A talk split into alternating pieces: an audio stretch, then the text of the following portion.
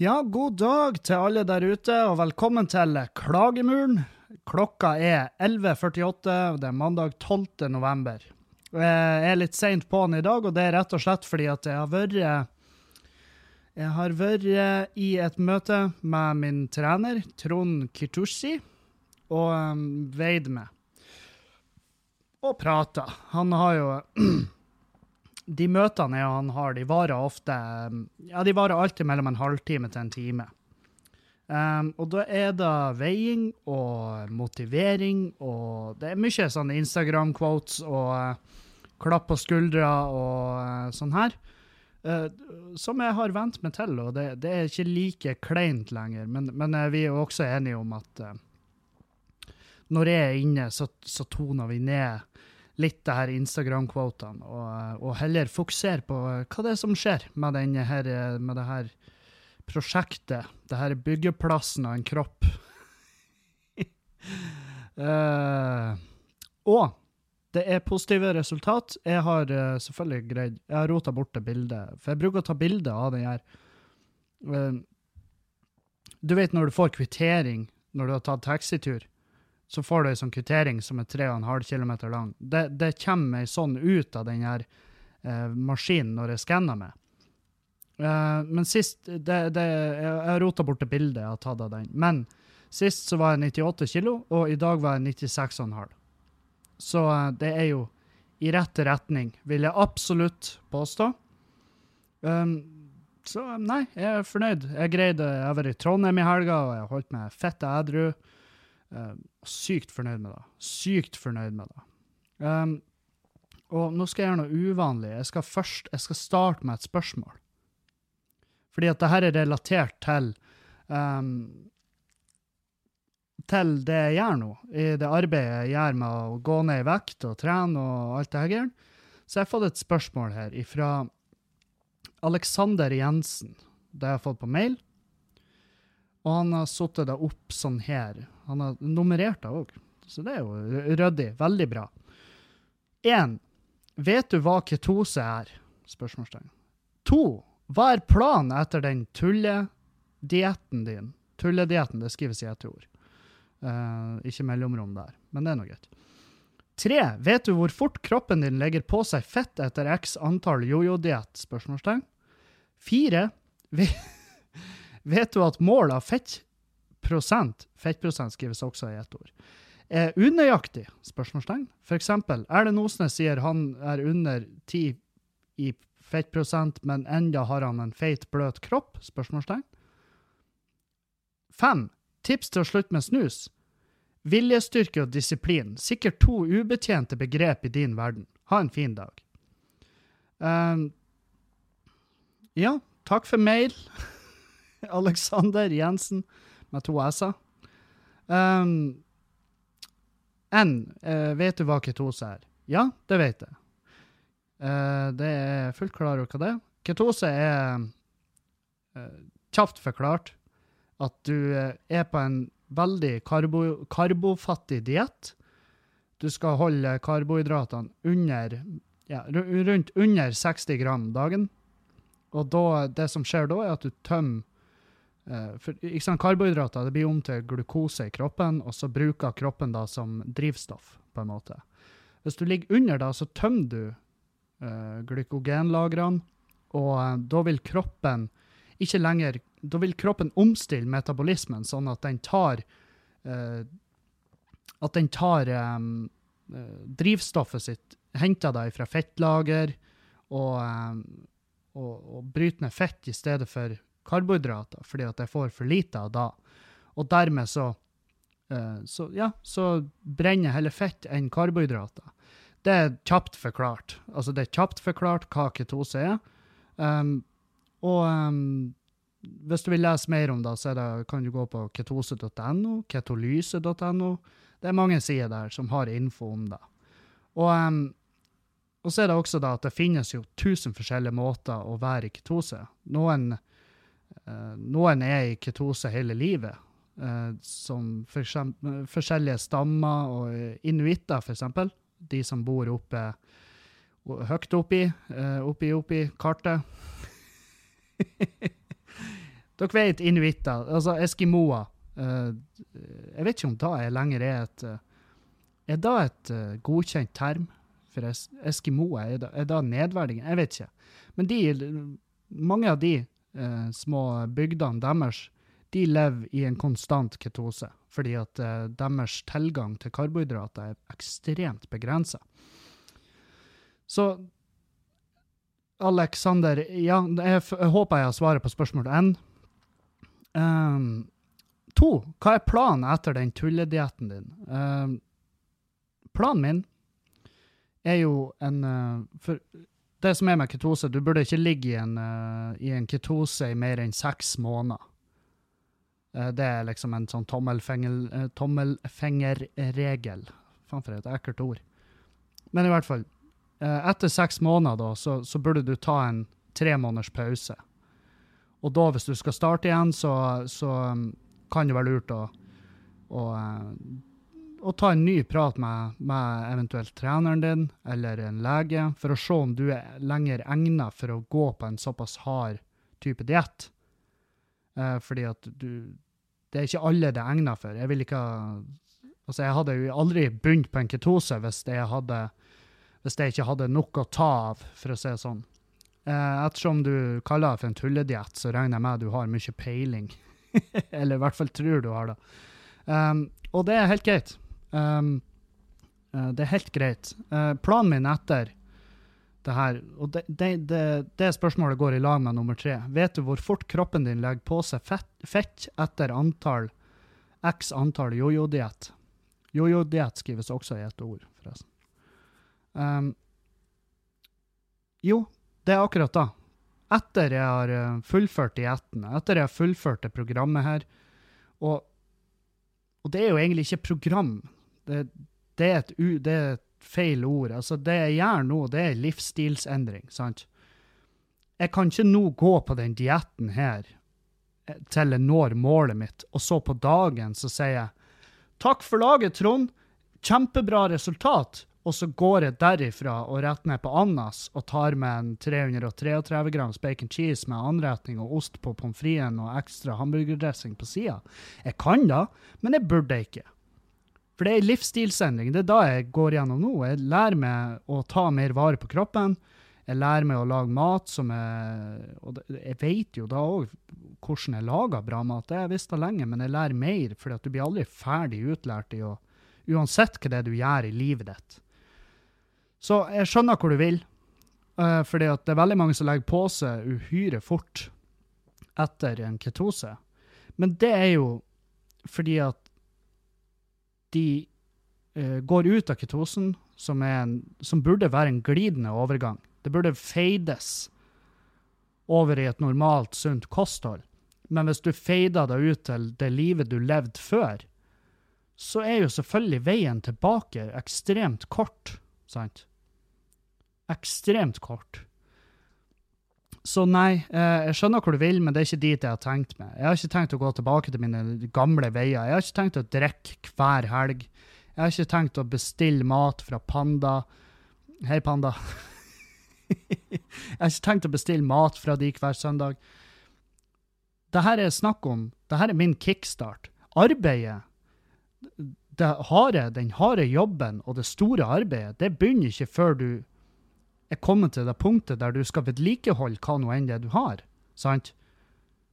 Du tror eh, Altså, det er som å kjøpe seg et hus. Det er et svært arbeid å få råd til et hus. Men arbeidet med huset, det begynner jo når du har kjøpt det. Sant?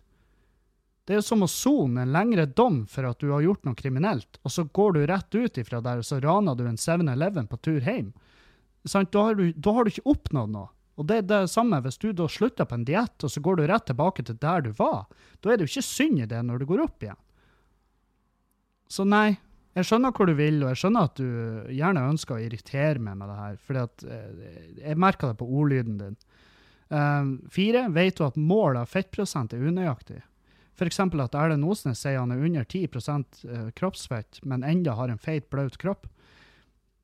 Ja, men det her det snakka med Erlend om i podkasten som jeg og han gjør i lag, at han er jo bare en tulling, sant? han, sitter, han tar seg Og alle har de her vennene og venninnene som er sånn 'Å, jeg er så tjukk. Herregud, se hvor tjukk jeg er.' Så tar de tak i en sånn her I en sånn miniskul hudfold. en sånn her kly, bitte lita klype med hud som de har midt på magen. Og bare 'Ja, det er hud'. Det er hud. Det er et organ. Det er noe kroppen din må ha. Eller så har jo alt annet som kroppen din inneholder, har jo rast ut. Og så har du egentlig bare vært en pykk, sant? Hud kan du ikke slanke bort. Hud er der. og du skal være glad for at du har den, sant? Um, og målet av fettprosent er unøyaktig. Ja, det er det. Det er kjempeunøyaktig. Det er bare en Altså, hvis du går kun etter det, så, så har du feil innstilling. Jeg går etter det, jeg går etter helhetsbildet. For min del, vekta går nedover, sant? Jeg passer klær som jeg ikke passa før. Jeg, jeg klarer å gå opp trapper uten å føle at uh, nå er jeg faktisk Nå synger jeg på siste verset. Jeg måler det an på min trivsel i hverdagen, ikke i fettprosent eller kilo nødvendigvis. Målet mitt er blitt usynlig, fordi at målet mitt var lenge 85 kilo, men det er ikke da lenger. Målet mitt er å være der jeg vil være. Sant? Så om da er 82 kilo eller 90 kilo Jeg kommer til å si meg fornøyd den dagen jeg dør. Da er jeg fornøyd. Sant? Så um, ja, mål av fettprosent er unøyaktig. Jeg tror faktisk jeg hadde høyere fettprosent nå enn sist måling. Men det kan være, det kan være tusen ting som spiller inn der. Unøyaktighet, unøyaktighet i vekt, den her um, maskinen som måler det, det, det, det er masse ting som spiller inn. Det, det, står på nettet at hvis du er skitten nok på føttene når du trør på den vekta, så kan det bli unøyaktig. Og Gud vet at det er en skitten dude. Så um, Ja. Nei, men det der Altså, ta opp fettprosenten til Erlend, det kan du jo gjøre direkte med han.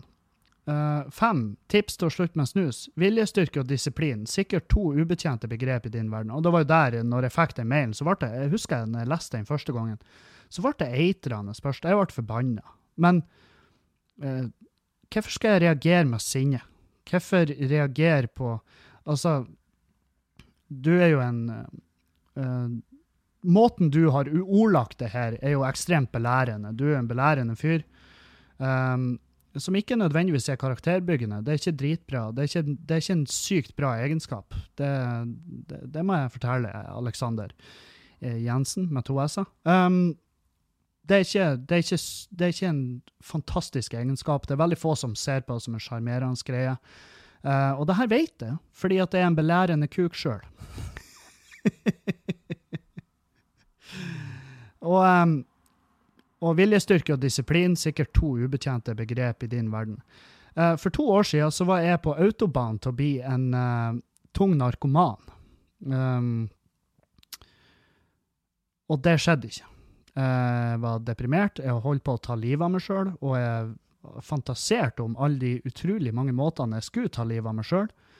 Um, jeg behandla mennesker rundt meg som søppel. Jeg var ekstremt belærende. Sånne meldinger som du skriver nå til meg, f.eks., det skrev jeg daglig til tusenvis av folk. Um, og sånn er ikke jeg lenger. Uh, jeg ser fremover i livet, jeg gleder meg til resten av livet. Uh, Vekta mi er lavere enn jeg har vært på over tre år.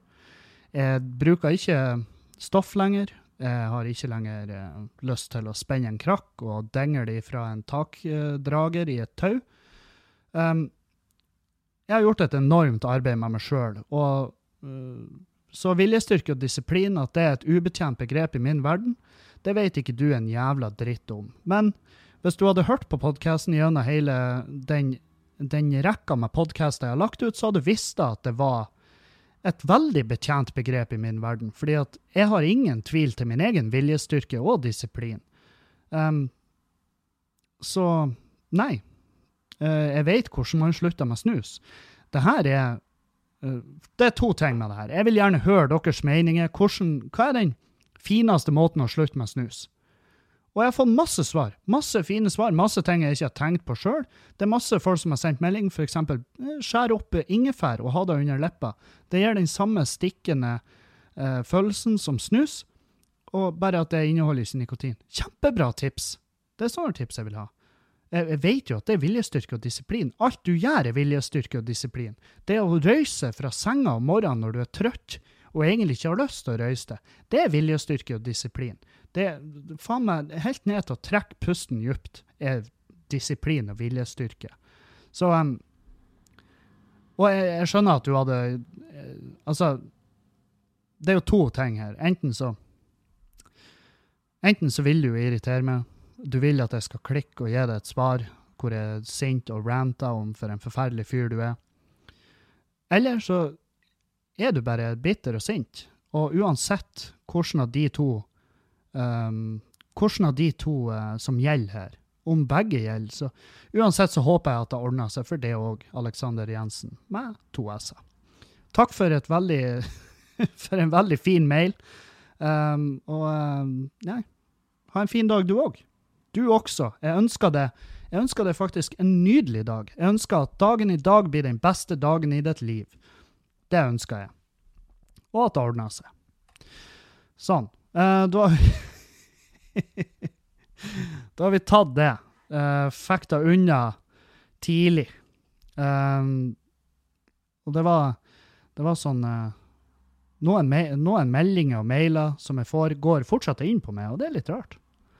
Det er litt rart. Og så velger jeg å svare med utfyllende, ærlige og eh, konkrete svar, i stedet for å fyre opp under meg sjøl og svare med hat og sinne. Og det er, forskjell, det er en enorm forskjell på meg kontra mm, to år siden. Da hadde ikke jeg svara, da hadde jeg brukt tid på å finne ut hvem han er for noen. Uh, ja. Jeg vil også beklage til fotgjengeren uh, i går som gikk forbi med, i, mitt, i, min, uh, i min heim. I går når jeg kom hjem. Jeg kom hjem, og så um, Ja. Ja, ja, sånn var det. Sen, det var sent på kvelden. Vi drev på og la oss. Vi, vi, skulle gå og legge oss, jeg og Juliane. Um, og så skulle jeg på Jeg drikker så mye vann på den kuren at jeg må pisse hele tida. Så jeg gikk og la meg, og så kjente jeg at hm, nei, jeg må faen meg pisse. Da var Juliane ennå på badet. Men så gikk jeg gjennom gangen da. Jeg var jo avkledd. Jeg sov naken. Jeg, altså Det å sove med klær på er faen meg helt uaktuelt for meg. Og jeg gikk gjennom gangen, og så uh, gikk jeg på do, eh, fjerna linsene. Og så uh, gikk jeg ut igjen i gangen, og da så jeg ut vinduet. Vi har et svært vindu i gangen. Og da ser jeg ut vinduet, bare idet jeg går forbi da. Og da får jeg øyekontakt med en fotgjenger som ser hele meg og min, hele meg og min nakne kropp. Og vi hadde øyekontakt. Jeg vet at han så meg. Men han skifta jo blikket rett fram jævlig fort, og så øka han også hastigheten på sin gang. Jeg vet ikke om han skulle sprenge for å rekke å legge seg foran et tog, eller, eller Uansett så beklager jeg, men samtidig, er det, er det min feil at du går og kikker inn vindvannfolk? Ja, er det da? Altså, ja, ja, nå har vi trukket for gardinene. Jeg begynte å flire, og så roper jeg til Julianne at nå fikk jeg øyekontakt med en fotgjenger, og Julianne fikk jo latterkrampe, for hun, hun kan jo daglig sette seg inn i den smerten han følte i det millisekundet der når han så meg naken jeg sto der og gliste til han. Og um, jeg har ikke hørt noe, så han kjente meg jo ikke igjen da. Men det hadde vært jævlig artig hvis han gjorde det, og bare sånn Holy fuck, dude, jeg tror Det hadde vært jævlig artig å få en melding bare Dude, jeg og du hadde nettopp intens øyekontakt mens du sto der naken. oh. Nei, det var et bra øyeblikk. Veldig bra. Så hva har skjedd? Hva har foregått? Mye har skjedd. Um, ikke mye. Nå må ikke jeg hype det opp der. Det, det blir ikke noe um, det, blir ikke noe, det blir ikke den type sending. Um, det blir ikke noe banebrytende. Men uh, forrige uke så Jeg glemmer jo av at jeg har de torsdag, torsdagspodkastene. Men i hvert fall så Fredag, da, så sto jeg opp, og så og så stressa jeg med å liksom pakke. Jeg hadde ikke pakka ordentlig til uh, min, min, tur til Trondheim. Flyet mitt gikk i tolvtida, så jeg hadde jo god tid. Jeg står jo veldig tidlig opp. og Og jeg hadde klærne hengende til tørk, sant? så derfor hadde jeg ikke pakka. Så det har en unnskyldning. Jeg har en grunn til at jeg ikke har pakka for jeg kan ikke legge våte klær i bagen. Så jeg sto opp, la sammen noen klær, eh, pakka i bagen. Jeg innså at jeg har jo faen meg god tid. Jeg har skikkelig god tid. Så jeg tok fram eh, fothøvelen. Eh, for dere som ikke vet hva det er, så er det en sånn høvel. Altså det er et barberblad i en eh, holder som du kan bruke til å fjerne den arbeidshuden du får under føttene. For jeg er litt sånn Jeg proner, egentlig. Og så har jeg ikke rette sålene på skoene, og derfor, etter hvert som jeg går inn skoene, så proner føttene, og da bygger kroppen det, det her er syke med kroppen det at hvis du ikke har rette sålene, så vil han legge ekstra hud under og lage sin egen såle. Heimlaga såle av sånn der tjukk arbeidshud. Og det får jeg under føttene, og um, av og til så høvler jeg ned, fordi at sånn der tjukk hud, det, det er gjevt. Det er kjekt som faen uh, til tider. Men det kan til syvende og sist ende opp med liktorn, som er jo uh, kanskje det minst sexy i hele historien. Liktorn, det, det, hører du at det er ikke noe du ser etter. Det er ikke en egen Det er så ekkelt at det er faen ikke en egen Det er ikke en egen eh, det er ikke en egen kategori på Pornhub engang. Så ekkelt er det. Og der har de videoer av folk som pisser på hverandre. sant? Så um, Nei, så jeg, så jeg høvla av. Og jeg barberte hodet, og jeg stelte linjene, fordi det, det, er lenge siden jeg har barbert meg noe hos uh, The London Barber. Det skal jeg gjøre denne uka, jeg gleder meg som faen. Men jeg måtte stelle linjene før jeg dro til Trondheim. For jeg, jeg, jeg føler at det er, det er, liksom to uker, så går jeg fra å være en velstelt kis til å, til å få den uteliggerlooken, og det, da hater jeg. Så stelt linjene, hadde pakka bagen, og så tenkte jeg faen, jeg har jo såpass god tid at jeg tar jo bare taxi til City Nord, så kan jeg hente ut linser òg. Sant? Linser. Fette smart. Jeg har jo snakka om det. Jeg har lyst til å bruke linser igjen. Så jeg for, eh, tok taxien. Uh, og så uh, ble det rot. Det ble så jævlig rot. Um, så se, jeg tror jeg skrev ned, for det, det var så inn i helvete det var så mye att og fram da. Jeg tror, jeg tror, På morgenen så tror jeg jeg brukte rundt 700 kroner i taxi. um, ja.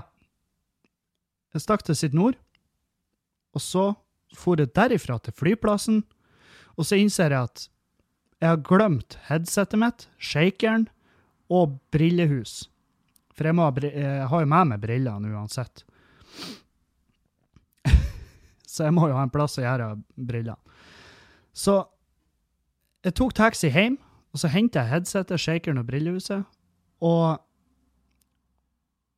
så kom jeg på at faen, jeg holdt jo på å glemme treningstøyet òg, så jeg tok det av med meg. Og så heiv jeg meg i taxien, for han begynte å Han sto utafor og tuta da. Sto og tuta utfor huset. Så sprang jeg ut og satte meg i taxien, og så kjørte vi, og så kom vi en 500 meter bort til veien, så innser jeg at faen, nøklene husnøklene står nå i ytterdøra. Så da måtte vi snu igjen, og han begynte bare Hva i faen er det som skjer? Og jeg bare Ja, men ro nå ned! Du får jo fuckings betalt, mann! Men jeg begynte jo sånn her at all den gode tida jeg hadde, den var jo borte, sant? Så jeg måtte jo faen meg bare uh, raska på her. Og jeg kom med Jeg kom meg trygt på, til lufthavna etter mye om og men og masse penger, uh, så kom jeg meg til uh, Bodø lufthavn. Fikk til og med tid til en liten kaffe, og så var det om bord i flyet. Jeg setter meg ned, og, og så kommer det ei dame gående nedover gangen. Og hun plutselig holder seg fast i et sete. Og så er det sånn her Flyvertinna bare 'Går det bra?' Og bare 'Ja, jeg ble bare litt svimmel. Herregud'. Og hun virka bare forfjamsa. Jeg ble bare svimmel, jeg vet ikke hva det var. Og så gikk hun bare videre, og så plutselig bare Jeg må bare sette meg ned litt. Og så satte hun seg ned, og så flyvertinna holdt henne i handa bare «Eh, Ja, hva det Går det bra med det? Og hun var sånn her Ja, ja. Og imens hun skulle si ja, det går supert, så bare begynte, så rulla øynene bak i hodet, og så svimte hun av i setet. Og da var jo jeg sånn der jeg, satt jo og hadde basically øyekontakt med henne, og når hun bare svimte, så var jeg sånn der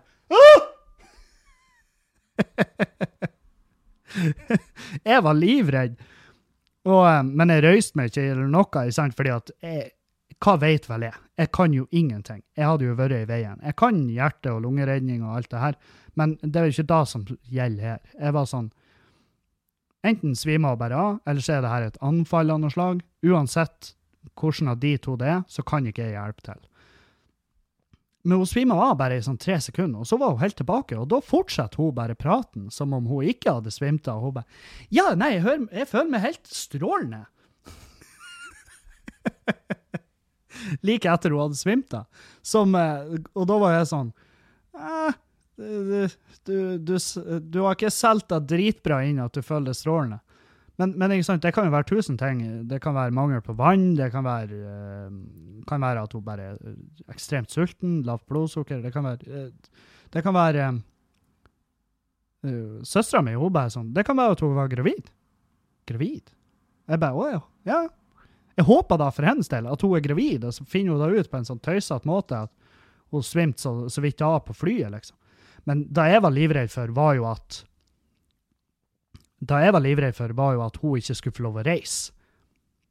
For da har jeg vært med på en gang, og det er lenge, lenge, lenge siden. Og da var det en fyr som uh, Han satt et par rader fremfor meg. Og, um, og vi hadde satt oss på flyet, og de drev på og gjorde klart de hadde ikke stengt gaten helt ennå, men Og da sa han til flyvertinna at hei, jeg bare informerer om at jeg er veldig redd for å fly og har litt angst. Så uh, hvis du merker at jeg puster tungt, eller um, så er det bare fordi at jeg er litt sånn småskeptisk til å fly. Og, og et, men det går fint, liksom. Og flyvertinna bare sånn Ja, kjempebra at du sier det. Og da går hun fram og prater med kapteinen og sier at hun er bekymra for han. Og da sier jo kapteinen at ja, men han fyren her skal ikke vi ha med oss, da. Og da kontakter jo de Securitas, og så kommer de om bord, og så henter de han kisen her. Og sier du får ikke lov å fly. Og jeg var sånn helvete! Really? Og jeg var sånn, faen, jeg er glad jeg fikk være vitne til det, for jeg skal jo faen meg aldri være ærlig med ei flyvertinne noensinne igjen i mitt liv. Om jeg har et fuckings Uansett hva det er, jeg kommer aldri til å innrømme til ei flyvertinne, uansett hva det er. Uansett, faen. Jeg var sånn her Jeg så på deg, Bertha, så tenkte jeg, faen, din jævla tyster! Stakkars jævel! Og, og så har det her jeg husker ikke hvordan det her skjedde, men det var ikke jeg. Det er det viktigste her. Det er det aller viktigste for meg, det er at det var ikke meg. Men noen, og noen må jo ha hørt min historie om det her. Eh, jeg lurer på om jeg la ut på Snap at holy fucking fyr ble nettopp hevet av flyet, liksom. Og så hadde noen av tipsa aviser, og så ble jeg plutselig spurt av Avisa Nordland, tror jeg var. Ja, jeg hørte det var litt dramatisk uh, på flyturen din. Uh. Og jeg bare Nei, dramatisk var det ikke. Ja, opplevde du det situasjonen som skummel? Jeg bare, nei, det ville Nei, ikke særlig skummel. Det var nå bare at fyren ble hevet av. Og i hvert fall, jeg hadde en prat med de, og da det her var veldig tidlig i karrieren min, for da var jeg Jeg var ikke begynt å gjøre sånn her um, Nå gjør jeg nå gjør jeg proofreading. Hvis, uh, hvis det noensinne snakker med i avis, så skal jeg lese hva enn det er de skal poste. Fordi at jeg ble så fette feilsitert i den saken at Og måten de vinkla saken, så da, da virka som at det var jeg som hadde kontakta avisa. Og det var det ikke. Og, eh, og det er klart, og så sto det Kevin opplevde det som svært dramatisk. og um, og, og, da var jo han fyren der, han skrev jo til meg, og bare sånn Det var synd at det fremsto sånn, eh, at du skrev, at du eh, opplevde det sånn, og det var jo ikke da i det hele tatt, og det var jo flere ting der som ikke stemte, og jeg hadde jo dritdårlig samvittighet. Jeg bare, dude, sorry, men jeg, eh, det var ikke sånn jeg heller opplevde det, så bare så du vet det, og så videre. Så, så nei. Um, og da var den eh, situasjonen jeg var livredd for skulle nå utarte seg på det her flyet. Men hun fikk lov å reise, heldigvis. Faen òg, jeg var skeptisk. Jeg tenkte bare, jeg har ikke i psyken min en til sånn der situasjon. Men resten av turen hun satt og drakk og spiste og var blid og fornøyd og prata med gubben. og Det artige var jo det blikket hans når hun bare svimte. Og liksom landa nesten i fanget på han fyren som satt innerst på raden. og han var jo bekymret, Alle var bekymra, men han typen han var, han var sånn her Nei, herregud! Han var sånn Hvordan faen skal jeg hvordan skal jeg egentlig reagere?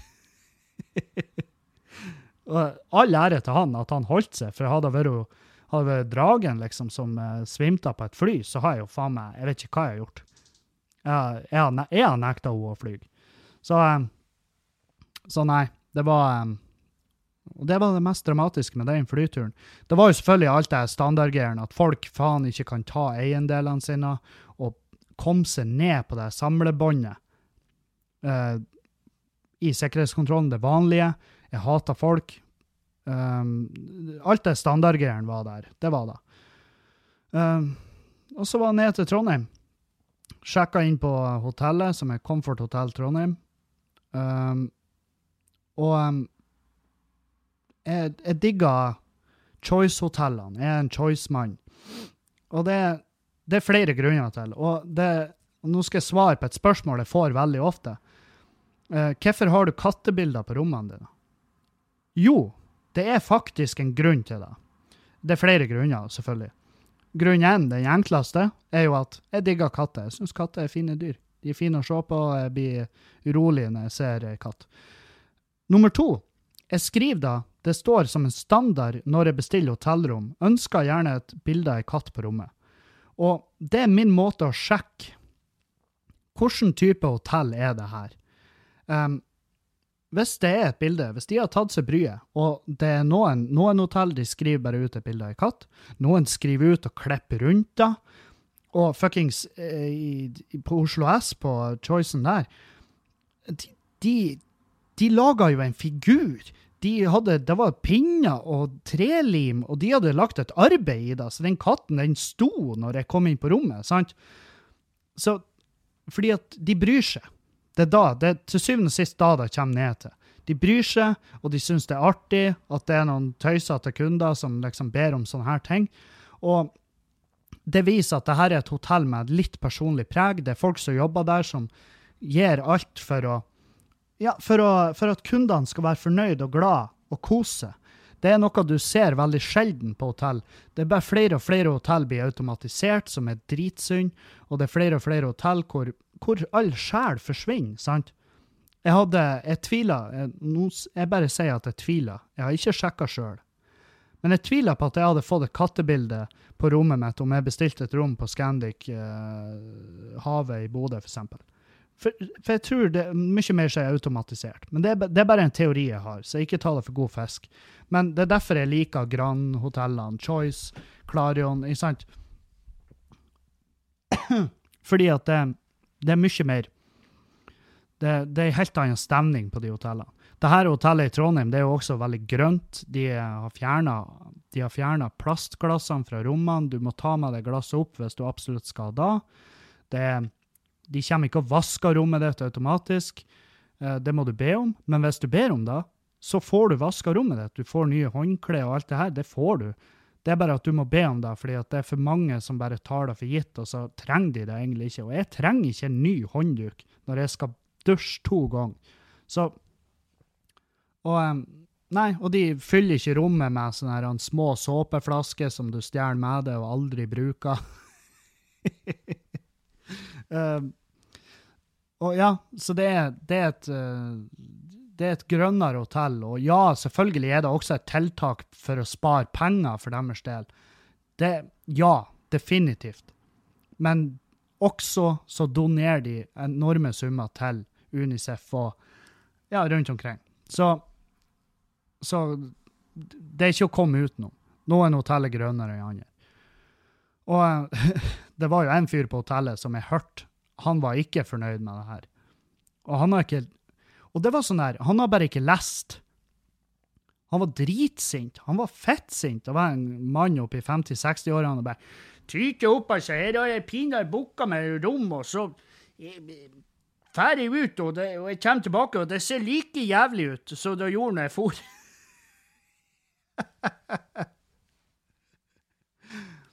jeg bare Ja, fordi at du har ikke bedt om at noen skulle fære opp på rommet ditt og rydde opp rotet ditt, din jævla slubbert, din faens lasaron helvetes rabagast. Satan, jeg, jeg flirer sånn, han fyren der. Og he, det er jo peise fullt i frokosten, det er jo folk overalt. Ja, trodde du bodde alene? Trodde du da? Du er Skjønner du at du er ikke på Nordkjosbotn nå? Du er ikke den eneste gjesten her. Selvfølgelig er det fullt i frokosten klokka halv elleve om morgenen, fordi at da er det da er det rush i frokosten. Det er da alle står opp fullsjuke og skal ete. Sant? Så og det, det, er jo et Altså, Comfort Hotel Trondheim, det er jo et hotell med, jeg vil påstå, en litt yngre sjel. De spiller house-musikk i bar, barlobbyen, og så jeg bare Du skulle jo ikke ha vært her. Du er på feil hotell. Sant? Dette er en fyr som skulle ha spandert på seg et bedre hotell. Eller ikke et bedre hotell, for det er ikke nødvendigvis bedre, men et hotell som er mer egnet hans jævla bruk, der folk står parat og venter på å rydde opp i driten hans. Han slo meg som typen som ikke bruker dasskost med vilje. Ikke, ikke sånn ærlig mistake at han glemmer det, men han bare Nei, det er ikke min jobb. Det er for de pinadø ta seg av. Skal de ha over 1000 kroner natta, så skal de pinadø få lov å koste skiten min òg. Den type fyr. Så um, slo meg som da, da. Det, det, var min, det var min umiddelbare tanke på han kisen her. Åh. Ja, så um, Åh, det, jeg hatt ei så innholdsrik helg. Jeg, jeg klemte På rommet, på dass der, så er det sånn, så er det sånn soft close dasslokk som går sakte ned. Og det fikk ikke jeg med meg. Så jeg la ned dasslokket, og så satte jeg meg før det var helt nede. Og det som skjer da, det er at jeg klarer å klemme kuken min imellom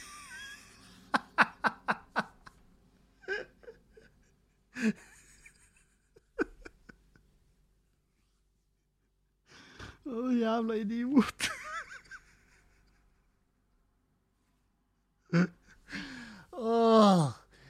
Jeg setter meg såpass langt fram på dasslokket òg at jeg greier å klemme kuken min mellom dasslokket og dasskåla.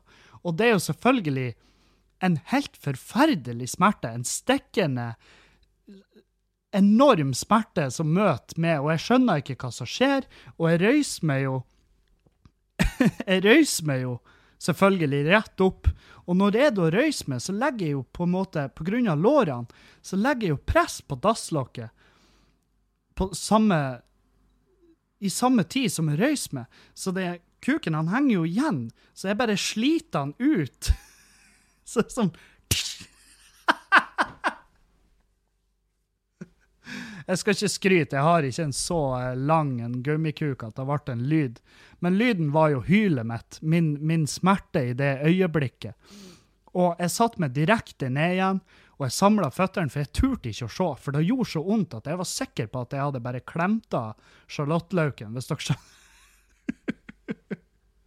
og jeg satt dritlenge, og jeg nekta å se ned. Og jeg tenkte, hva i faen skal jeg gjøre? Jeg må jo ha lege.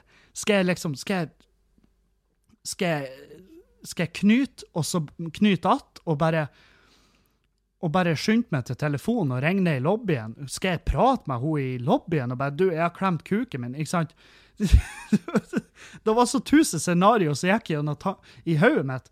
Og, og, ehm, og, så tenkte jeg ja, selvfølgelig kan du ta den praten med henne. Dette er et hotell som bryr seg. De har skrevet ut ei katt til det. Så ja, du kan ta den praten med dem, og de blir å ta det seriøst hvis du har klemt sund kuken din. Og så til slutt så ser jeg ned, og kuken har det helt fint. Han har det helt strålende. Han ser fantastisk ut. Litt rød. Men ikke Jeg har sett han rød her, sant? Og jeg bare Faen, for en Faen, for en standhaftig, for en robust pikk. For en stålpenis. Og så er det sånn Ja, selvfølgelig er han da. Den fyren der har vært gjennom mer enn de fleste. Jeg har jo jula han opp daglig siden jeg var tolv år gammel. Selvfølgelig, selvfølgelig tåler han det her. Det er, en, det, er en, det, er jo ikke en, det er jo ikke en kuk, det er jo en træle. Det er jo arbeidshud, hele greia. Det er jo bare en flik med steinhard hud. Så Åh. Faen, det er artig. Jeg sa det her på scenen òg, det funka som faen. Åh. Nei. Og um, Så fredag gjorde show på um, hos Hammerhead Brewing Company, som er et brygge, bryggeri i Trondheim, som har ufattelig god øl. Jeg anbefaler det virkelig. Og jeg, jeg har fått melding det er, ikke lov, det er ikke lov å reklamere for alkohol. Nei, jeg, jeg reklamerer ikke for alkohol. Jo, jeg gjør det, men jeg reklamerer mest av alt for bryggeriet. De har et taproom uh, ute på Romorslia som heter Brewlab, og det er også en utrolig fin plass. Veldig god stemning. Uh, de lager pizza, og den er også visstnok jævlig god. Den er laga i en sånn tradisjonell ovn. Uh, så du trenger ikke ferdig til å drikke. Du kan ferdig til å hygge deg. Anbefaler virkelig. Uh, gjorde show der på fredagen. Dritgod stemning. Masse, jeg hadde masse nye tekster. Mariell Køste var varma opp for meg. Um, masse av det funka, noe jobba jeg videre med til dagen etterpå. Og, um, og uh, lørdagen òg var faen meg helt magisk. Det var helt fette magisk. Jeg kosa meg glugg i hjel. Begge kveldene var helt uh, Takk til alle som kommer. Eh, masse folk som lytter til podkasten. Jeg hilser på masse folk og prater lengre med flere folk. og det, det, var, det, var, rett og slett en jævlig fin tur. Det var en jævlig fin tur til Trondheim. Var deilig å være tilbake. Og showet foregikk jo i et mikrobryggeri. Og jeg greide faen meg å holde meg edru begge kveldene. Jeg drakk ikke. Jeg spiste ikke søppel. Eh, jeg, var, jeg, var, så stolt når jeg reiste hjem at du, altså, du kan ikke tenke deg til. Og jeg har vært edru nå i to, to helger på rad, jeg har vært edru, og allerede ser jeg ned på folk som drikker.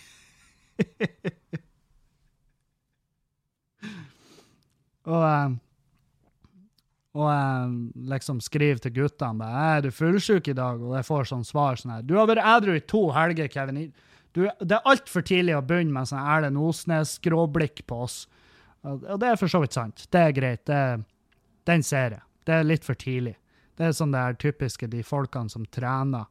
Eh, de løfter vekter i to uker, og så skal de begynne å lage program til det. ikke sant? Så, eh, så nei. Eh, jeg ser den. Men tusen takk til alle, for det er masse podkastlyttere som var på showene.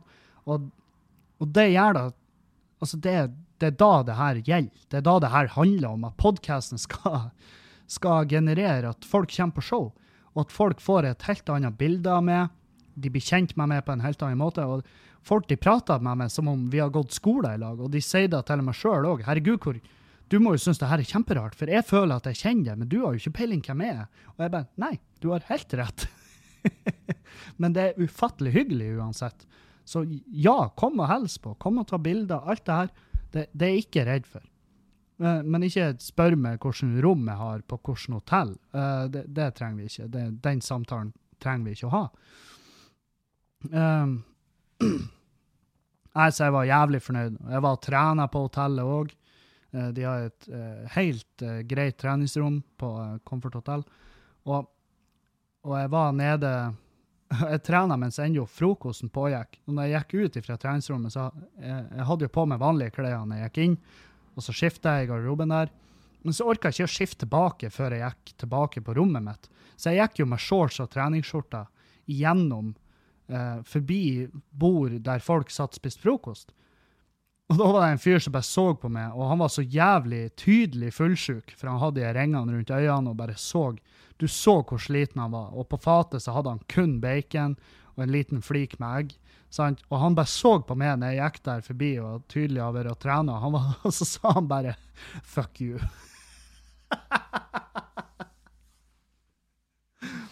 og jeg flirer bare, for jeg skjønner han så jævlig godt, for jeg har, jeg har så jævlig mange ganger vært han fyren og bare bare gått. Og så, så er han eh, en, gang, en gang så gikk jeg Jeg sto og venta til Anna skatkjøkken åpna, for jeg var så fullsjuk og jeg måtte ha mat.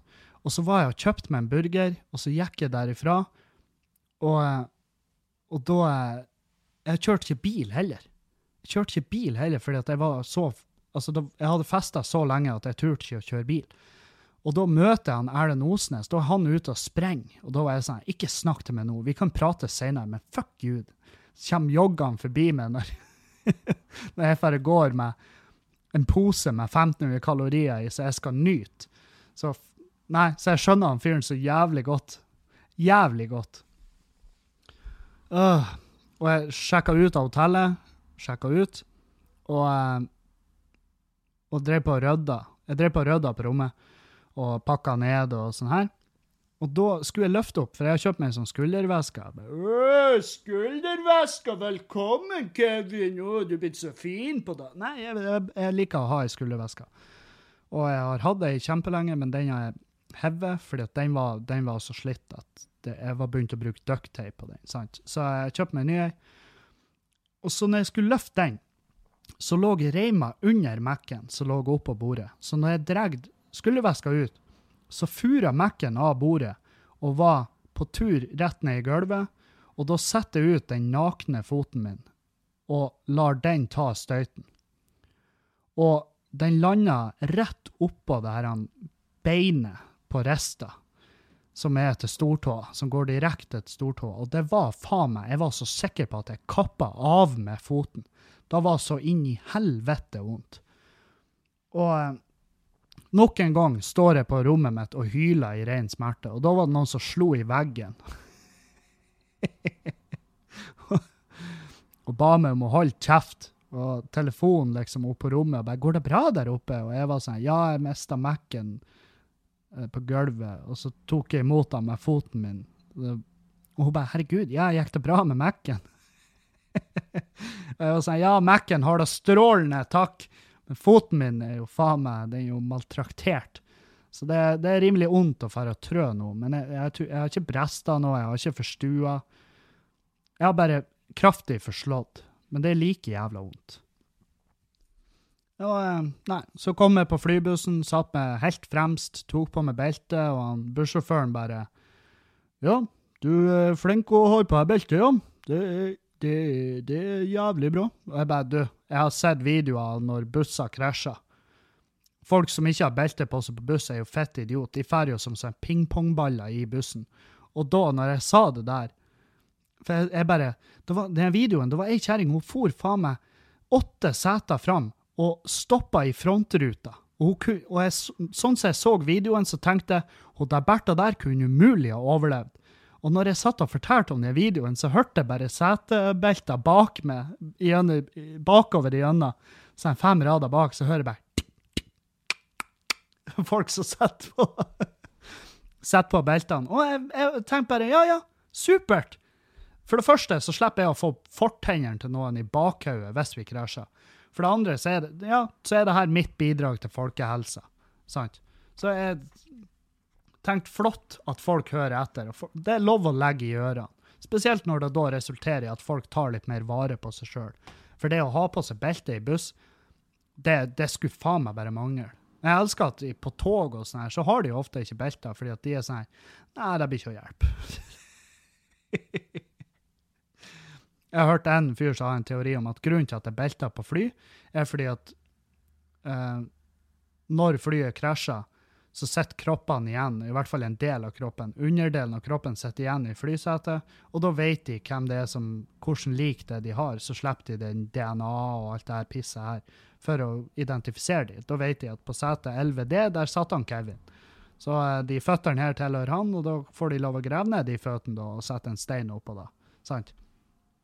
Så, um, men det er jo Altså, jeg har jo sett folk dette ut av setet i turbulens når vi flyr.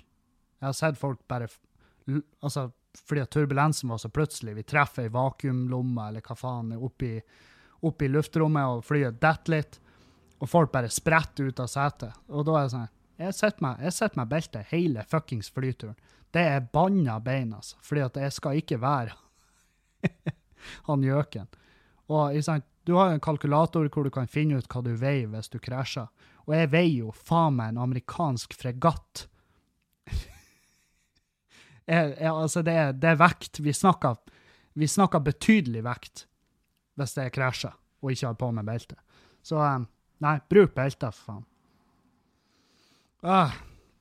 Men det var jævlig godt å være tilbake i Trondheim og Og um, og det var også trist, uh, for jeg liksom Jeg drar innom uh, uh, Jeg stakk hodet innom på, på Trondheim camping, som det heter. Det er en uteplass. Og der var ærverdige Olavs pub før. Olavs pub det var en helt nydelig plass. Trondheims desidert beste scener for medium store kulturarrangement. Om det var jazz, blues eller standup eller uansett. Jeg har sett masse masse fett, og jeg har stått på den scenen sjøl, og jeg elsker den. Og jeg stikker hodet inn der nå, og jeg bare Faen i helvete er det som har skjedd her?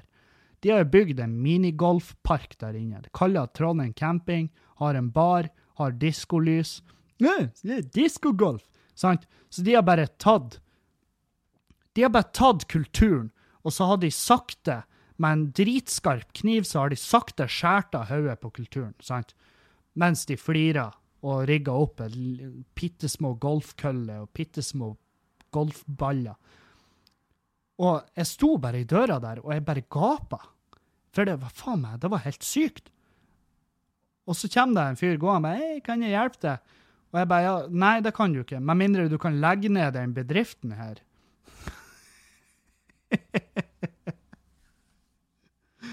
og da mista jo han det gliset, og så bare og så bare snudde jeg og gikk. Jeg, ba, jeg, måtte bare gå derifra. Og det var jo samme reaksjon jeg hadde når jeg var og så liksom hva de hadde gjort med brukbar blest på Solsiden.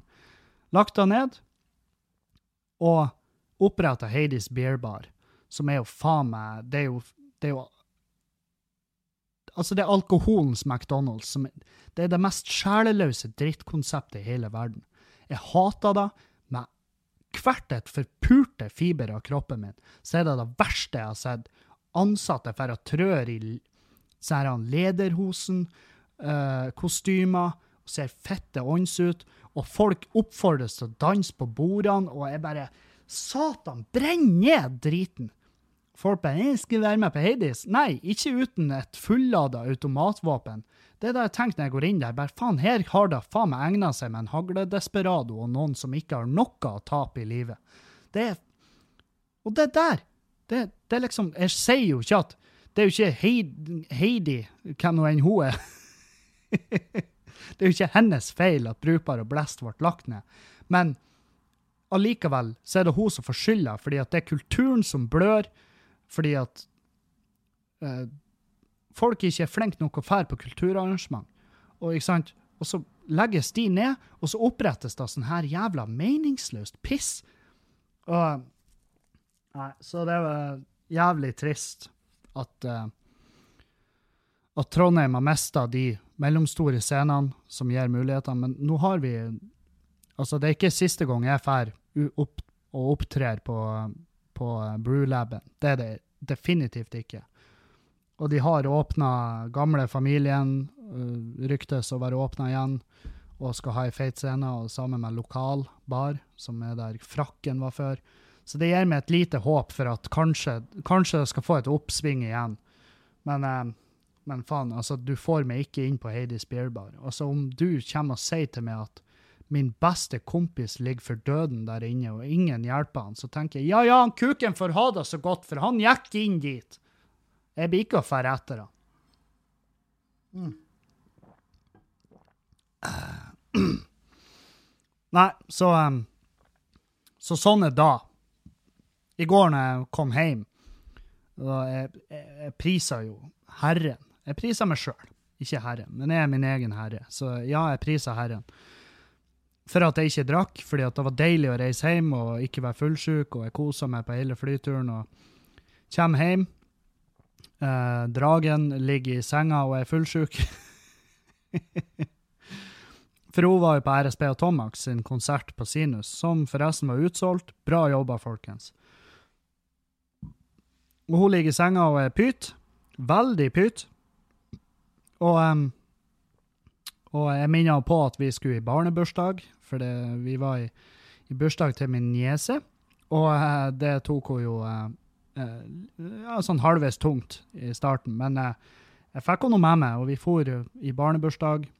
Og hun er så viss, hun er lille jenta, sju år gammel. Og jeg gir henne en pose med masse snop, og så har jeg overført henne penger. Um, og så sier jeg jeg har overført penger. Um, og, eller jeg sa du får også penger i bursdagsgave. Og hun lyste opp, og så sa jeg jeg har overført dem til far din. Og da bare ga hun meg et sånt blikk som at hun knuste sjela mi. Hun bare så gjennom skallen min, og så var hun inne der og vridd om nakken på sjela mi. Da var det blikket sa. og så bare gikk hun. og så kommer hun tilbake etter hvert, og så bare sier jeg har du en fin bursdag, og da ser hun på meg med samme blikket og sier hun, jeg har ikke tilgitt deg ennå for at du har gitt pengene til han pappa. Og jeg bare Nei, fair enough, ser den. Um, og så uh, Og så når vi skal fære, så sier jeg ja, takk for uh, fin bursdag. Og så sier hun jeg likte bedre når du hadde hår. og så gikk hun. Så um, jeg, jeg, har noe, jeg tror det er noe, jeg tror jeg må, det må noe teambuilding til der før det blir en klem og 'ha det bra, onkel, takk for laget'. Det, men uh, unger, du skal få det fra unger. Det er faen meg helt sikkert, altså. Um, ja. Og så her. så jeg noe nå når jeg var hos sånn, uh, Trond og veide med og, og lada meg opp. Så viste han meg en sak på AN. Um, og de har hatt sesjon. Og da har det på sesjon, ikke sant, så er det masse ungdom som er inne, 17-18 år gammel. De er inne og måler seg, de tar vekt og alt det her. Så IQ-test og faens oldemor. De tar hele, hele regla. Um, og så oppsiktsvekkende tall der, fordi at vekta på ungdom ut ifra hvor de bor i landet, svinger nå inn i helvete. Og jeg kan bare lese. De tyngste soldatene kommer fra Finnmark, der de som møtte på sesjon mellom 2014 og 2017, hadde en gjennomsnittlig BMI på 31,4. Og det er høyt. Nordland ligger på andreplass med et snitt på 27,9, og nederst på lista finner vi ungdom fra Akershus og Oslo, der snittet lå på 16,3 og 17,8. Altså, det er faen meg nesten halvparten av Det er bare halvparten av gjennomsnitts-BMI-en oppe i Finnmark blant ungdom i 17-18 år. Vi ser det er store forskjeller mellom fylkene og landsdelene, hvor de fylkene som ligger lengst unna store byer og færre store tettsteder, har større forekomst av overvekt. Det er et kjent trekk, og det ser vi veldig tydelig, sier Andersen til NRK. Om en ser på annen forskning for Norge, så ser vi at folket på landsbygden tenderer til å være litt tyngre enn befolkningen i byen. Dette har vi sett over en rekke år og i forskjellige aldersgrupper, sier han. Kommunikasjonssjef ved Forsvarets personell- og vernepliktssenter, oberstløytnant Vegard Finnberg, forteller at de har et nyansert syn på BMI. Forsvaret har satt en øvre grense på BMI på 35. Når det er sagt, så er det viktig å påpeke at års Forsvaret ser større på det enn bare BMI. Kroppsmasseindeksen alene gir langt fra et riktig bilde av fysisk form og kapasitet. Kjempebra, for det er helt sant. Vi opplever at det er mange som er i kjempegod form, som har en høy BMI. Samtidig ser vi også ungdom i ekstremt dårlig fysisk form som har lav BMI. Og det er sant, fordi at BMI tar ikke høyde for, uh, for muskelmasse, f.eks. Og det, det, er jo ikke en måling av hvilken kondisjon du har. Um, men allikevel så er det det er jo et fåtall av folk som har en BMI på 35 som er ekstremt godt trent. Det, det er ytterpunkter. Sant? Det er ytterpunktene. Og det er jo ikke bra at det Altså 31,4 i BMI, det er veldig høyt. Um, jeg har en BMI på Hva faen er det? Skal vi se. Jeg har det vel her uh, første målinga mi Første målinga mi så har jeg en BMI på 35,2. Og det er veldig høyt. Det er altfor høyt. Og, og så er det sånn, hvorfor er det sånn? Hvorfor, eh, har vi Hvorfor runger Nordland høyt oppe? på BMI-toppen blant ungdom som er på sesjon. Hvorfor er Finnmark så mye høyere enn Nordland, og hvorfor er vi så ekstremt mye høyere enn Oslo og Akershus? Jeg vet ikke. Det er det, det, jeg spør dere om. Jeg, jeg har jo mange teorier. Jeg skjønner at ungdom på bygda ofte er tjukkere enn ungdom i byene. Og um, Vent litt, jeg skal bare Oi. Plukke ut en boks snus fra mitt kjøleskap. Um, jo, ungdom på bygda har høyere BMI enn ungdom i byen. Og det her er bare teorier jeg har. Jeg har jo på ingen måte utført noen form for, um, for undersøkelser på det her. Uh, jeg tror det er flere grunner. Jeg tror at kroppspresset i byen og i uh, Altså, i byene så er det mer forventa, det er mye høyere kroppspress. Det tror jeg. Og så tror jeg også at tilgangen til treningsstudio, for eksempel, det er ikke, det er ikke nødvendigvis på bygda. Det fins nødvendigvis ikke på bygda. Det var veldig lenge vi ikke hadde noe form for treningsstudio der jeg kommer fra, på Halsa. Det var jo jeg, jeg Altså, det var jo et initiativ jeg tok, masa på sjefen min, og han gikk med på det, og så bygde vi det. sant? Da tok vi ledig lokale i firmabygget, og så var jeg der timevis og bygde treningsrom. Og, sant? og fram til da hadde vi ingenting. Og samtidig så tror jeg ikke det kroppspresset nødvendigvis er like sterkt på bygda. Og, og ja, altså sjølbildet og hele greien, selvfølgelig. Uh, er, jeg tror det er tusen ting som spiller inn her, men men det er fare, det er jo faretruende tall. Det, det, er jo ikke bra tall, og det går jo bare oppover. Um, og vi, ja, vi får uh, Mange prater om svenske tilstander, men vi begynner å få amerikanske tilstander når det kommer til overvekt, fordi at Nor Norge er det landet som har den mest hyppige økninga i overvekt per innbygger på verdensbasis. Dette er tall som du kan søke opp. Så um, nei, det, og, uh, og, nå er det sånn her Jeg jobber jo steinhardt med å ikke være en del av det. og ikke være en del av den statistikken lenger. Um, så Men det er jo opp til hver jævla enkelt hva vi gjør. Og, det, og det er jo flere som dauer av overvekt enn sult nå i dag i verden. Det er Altså, eller det er flere som dør av livsstilssykdommer, og da Derunder kommer vel røyking og drikking og Men overvekt er en enorm del av det. Så, så det er noe å tenke på. Skal vi se. Jeg har fått masse spørsmål. Tusen takk for det. Nok en gang, dere har levert som faen, og jeg fortsetter med det. Skal vi se her eh, hva jeg skal ta. Hva skal jeg ta? Der. Jeg kan jo fjerne Jeg trenger ikke ta Alexander Jensen sitt med to s-er sitt spørsmål om igjen. Det tok vi tidlig. uh, Hei! Hører på podkasten din. Er ikke ofte jeg føler for å kommentere ting, men akkurat det med deodorant etter du har tatt på klær, har jeg en kommentar til. Du sier det ikke finnes noen grunn til å gjøre det sånn. Jeg tar alltid på deodorant etter jeg har tatt på T-skjorte. Grunnen er enkel. Hvis jeg tar på først, så drar jeg skjorta over den våte deodoranten, og så blir det hvite flekker på skjorta. Hvis det er en skjorte med knapper, får jeg ikke samme problem. Digger podkasten, stå på. Podkasten din får meg alltid til å smile i vanskelige tider. Den har også fått meg til å tenke gjennom ting jeg aldri har tenkt på før. Digger det. Så bra! Godt å høre. Um, du er ikke den eneste som har kommentert. Det viser at for første gang på kjempelenge så Eller det er ikke første gang på kjempelenge, det skjer rimelig ofte, så har jeg tatt feil. Jeg må jo ha tatt feil. For jeg har fått sinnssykt masse meldinger om at det er som er raringen her, som tar på meg deodorant før jeg tar på meg skjorta.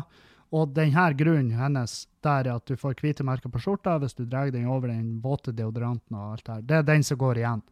Og, um, men jeg tror grunnen til at jeg ikke har det problemet, er fordi at uh, jeg bruker en sånn Altså, det er en stikk. Det er en tørr deodorant, eller hva det heter. Det, det er sånn der han det, er en, det er ikke en sånn, rull, en sånn rullende ball med våt deodorant. Det er sånn der han halvtørr, sånn, nesten som en voks jeg bruker.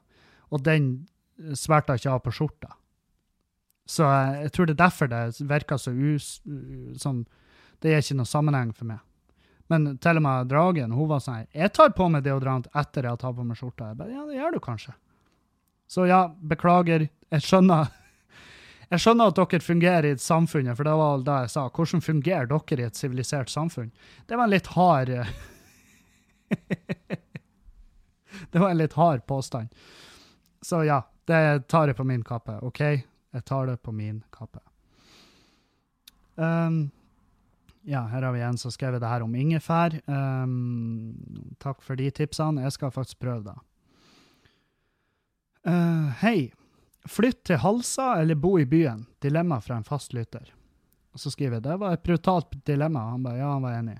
Uh, så skriver jeg noe mer bakgrunnsinfo. Hvorfor flytt? Jobb? spørsmålstegn. Kjærlighet? spørsmålstegn.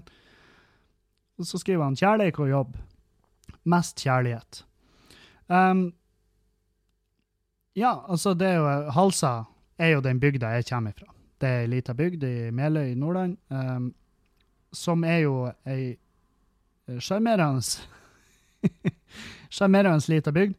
Uh, altså, grunnen til at jeg flytta fra Halsa og ikke bor der nå, eller det var i hvert fall det, det som var grunnen. Nå hadde jo ikke jeg kunnet bodd på Halsa. Jeg hadde jo ikke fått Lura og Julianne ut dit. Hun, altså, jeg klarer ikke å engasjere hun nok til å flytte eh, til Mørkved, liksom. For det blir for langt unna byen. Så, så det er jo uaktuelt med henne. Men eh, før jeg møtte henne, grunnen til at jeg flytta til byen, var fordi at jeg reiste så mye og gjorde standup. Og da med den kostnaden jeg bruker på å komme til Bodø hver måned for å ta fly, så kunne jeg faen meg leie ei leilighet i Bodø. Sant? Så da, da var det jo ganske enkelt. Og så slipper jeg da to og en halv time med kjøring, eller fire timer med buss, eller faens Uansett hvordan transport er valgt. Så derfor bor jeg i byen, fordi det er veldig enkelt å reise herifra.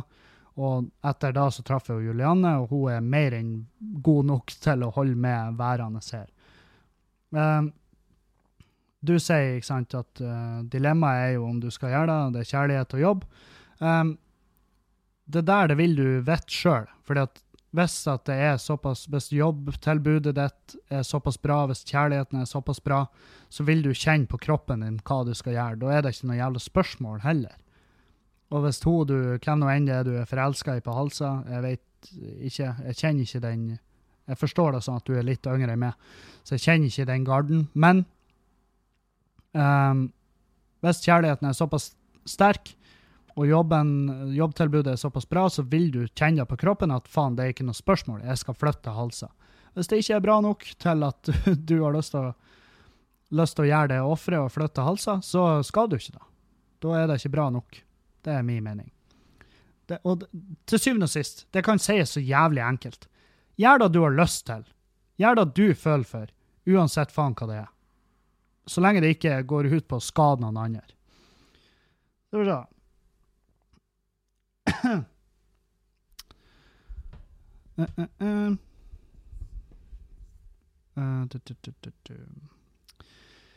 Hei, Kevin. Så sinnssykt fett med sesong to. Gratulerer. Gratulerer. Jeg har nå en tips til deg om snusslutt. Hva i faen det som skjer? Har jeg slag, eller? Kan du begynne å lese det som står i teksten her? Faens hjerne. Jeg har noen tips til deg om snusslutt. Det er jo et litt vanskelig ord, da, for hun har skrevet det rett. Som jeg hadde håpet å kunne bytte mot noen tips fra deg om treningssenterangst. Oh. Og da gir hun meg basically eh, samme tipset. Det er ingefær og alt det her. Så, eh, så ja. Eh, jeg blir å prøve, da. Du, du, du, og så er det også Prøv å Og så skriver hun Prøv å overføre skriver, Hun skriver veldig langt, da. Men eh, overfør eh, tankesettet som jeg har med dietten. Hvis jeg, hvis jeg feiler, ikke stopp for det er veldig typisk folk på diett. Um, oh, 'Nei, jeg feila. Jeg spiste uh, kebab i natt jeg dro hjem fra byen.' Da er dietten over, ikke sant? så bare krasjer de helt. Men det er jo opp til oss hva vi gjør videre. Du trenger ikke å ha falt ut av dietten bare fordi at du har uh, feila. Det er opp til hva du gjør etter der. Det er jo da det er Den avgjørelsen du tar der, det er jo den som tilsier om du har feila eller ikke. Og Det er det samme med snus. Hvis du slutter med snus, og tar deg en snus, ja, så har du tatt deg en snus, da. Du er ikke ferdig å slutte. Det er jo bare å fortsette, sant. Så ja. Um, veldig bra. Takk for det. Um, så til mitt spørsmål. Jeg flyttet til et nytt sted i høst. Og det har tatt meg hele tre måneder å oppsøke buldrerommet. Buldrerommet. Buldrerommet, blir det å si. Her fordi jeg er redd for å få angst. Klatring slash buldring er det beste jeg vet. Men jeg får det ikke til dersom det er mye folk til stede og oppleves som crowded. Og den ser jeg. Er jeg alene, eller er jeg alene, eller bare med noen få, så er det ikke noe problem. I det siste har jeg vært nede på buldrerommet to ganger og testet det ut, og begge dagene har endt i at jeg må avbryte. Jeg får ikke puste, og det hele eskalerer i angstanfall med timevis, noen ganger dagevis, påfølgende apati, fraværende livslyst og tiltaksløshet. Det samme har skjedd de gangene jeg har testet ut treningssentre og lignende. Tidligere har jeg kunnet regulere dette ut ifra når på døgnet jeg drar på senteret, men nå er mulighetene noe mer begrenset. Og apropos begrenset, det er akkurat det jeg føler meg. Jeg har lyst til å begynne å trene og fortsette å klatre og er motivert for dette, men jeg forstår ikke hvordan jeg skal takle disse situasjonene. Dette er et spesifikt eksempel, men problemet er en gjenganger i livet mitt. Har du noen tanker eller tips til hvordan overkomme dette? Um, det, er jo, altså, det, er typisk, det, er jo, typisk, angst, sant? Det, og det som er med angst, er at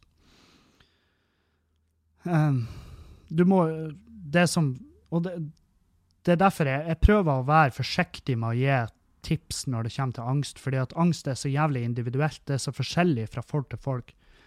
Men i mitt, for eksempel, i mitt tilfelle så var det viktigste når jeg fikk angstanfall, om det var dødsangst eller uansett hva, hvilken type anfall jeg fikk, så, så var det å minne meg sjøl Altså puste normalt, sjøl om det kjennes tungt, og så bare minne meg sjøl på at jeg blir jo ikke dø. Og så, måtte, og så det aller viktigste var å holde meg utafor.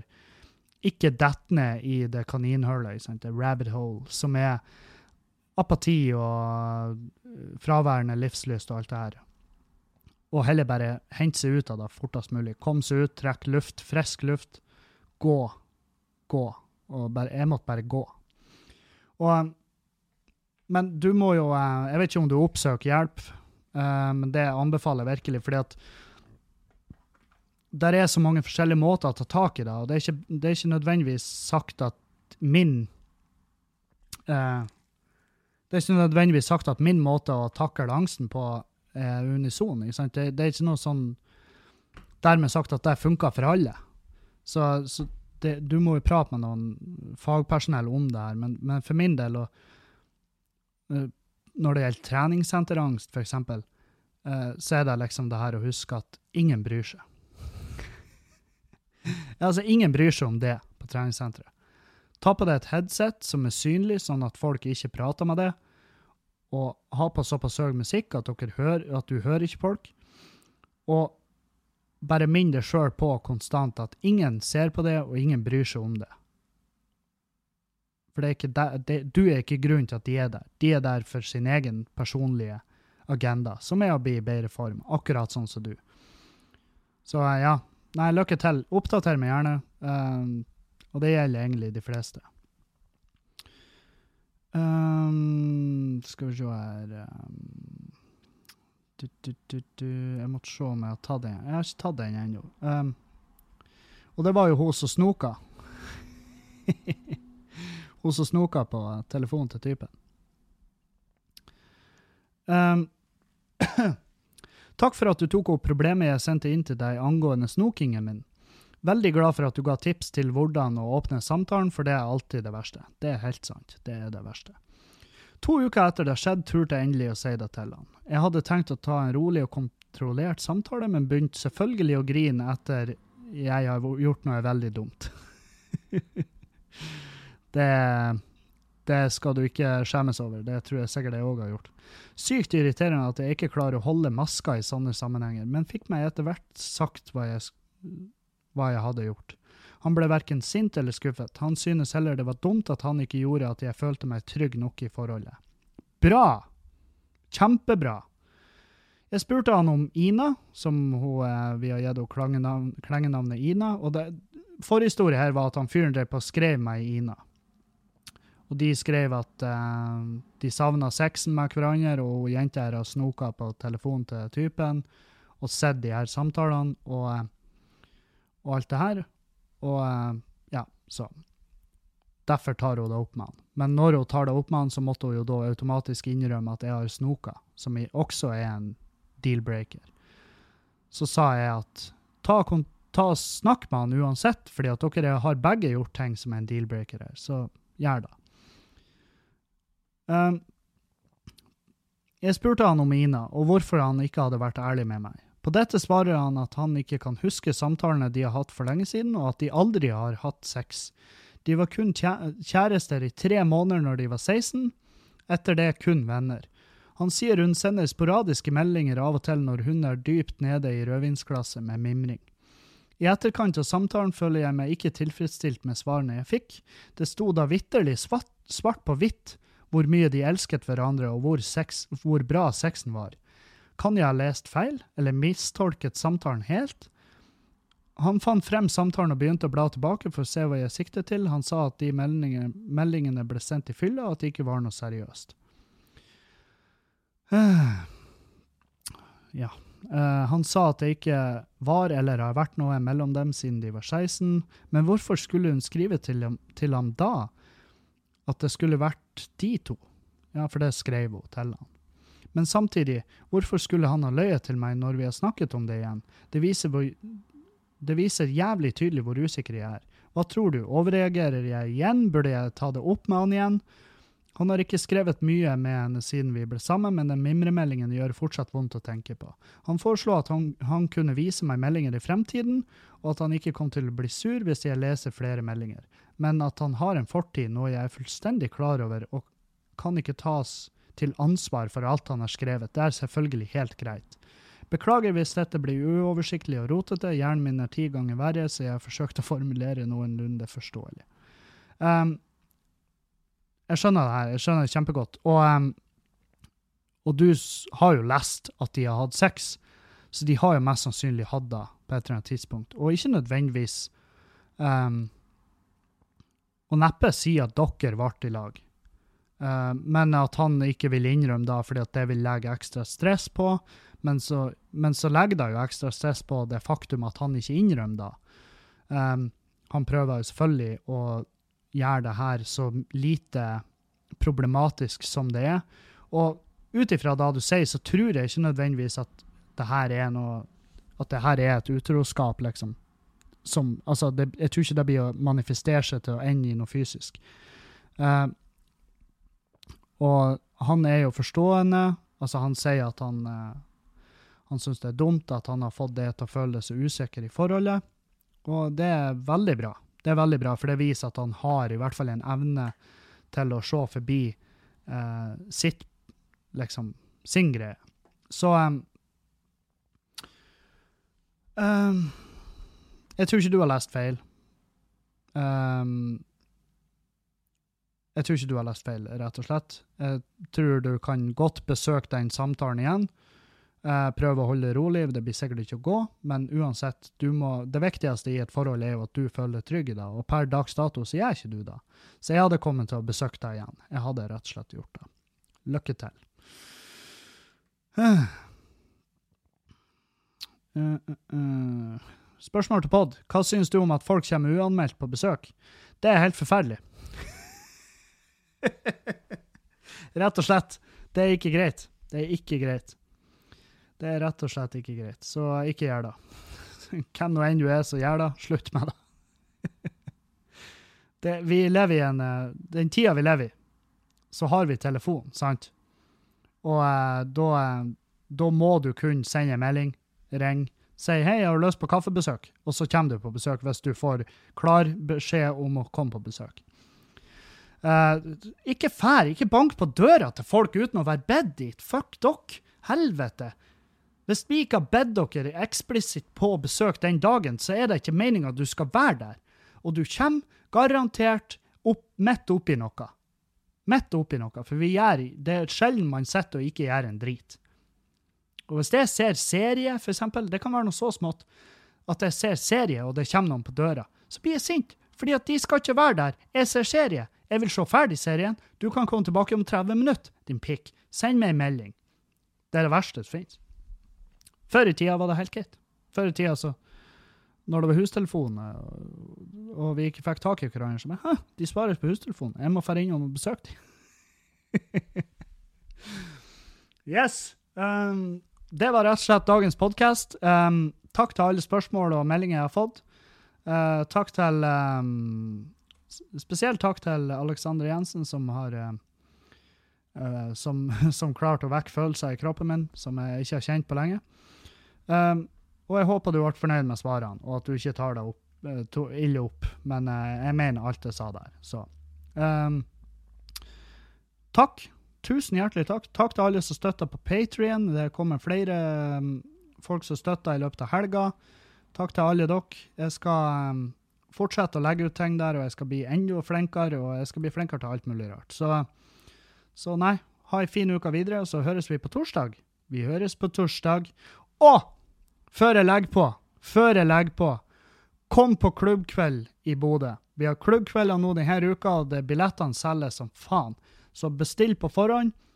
Kom på eh, Nordlendingen på torsdag, Skubare på fredag og Frodos på Neverdal i Meløy på lørdag. Vi har Halvor Johansson, kjent fra Radio Rock, og han som har de rantene som uh, tar SM-en, ikke sant? Han er jævlig artig, han er fantastisk bra på scenen. Vi har um, Jon Hægeland, vi har uh, Ja, vi har flere. Vi har flere. Jon Hægeland, Morten André Wold og Bård Hofstad. Ta turen. Seriøst, ta turen. Vi høres. Takk nok en gang. Ha ei en fin uke. Auf Wiedersehen!